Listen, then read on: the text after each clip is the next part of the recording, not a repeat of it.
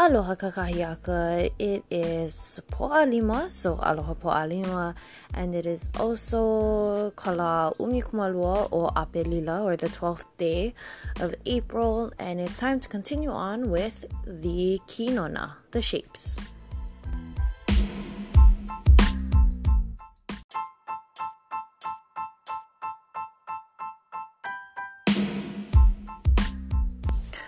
The first kinona we are going over is Huina Haloa.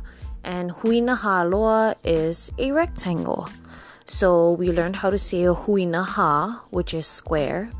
So because a rectangle is longer than a square, we add on the word loa to it. So repeat after me. Huina Ha loa. Now put it together. Huina Ha loa.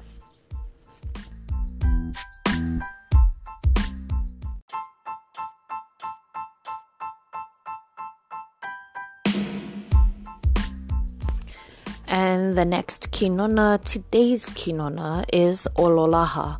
And ololaha is an oval. So repeat after me. O, lo, la, ha. Ololaha.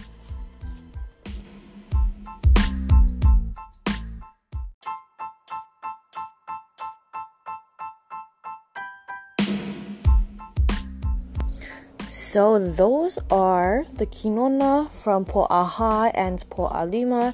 Stay tuned for the next episode. Ahui ho!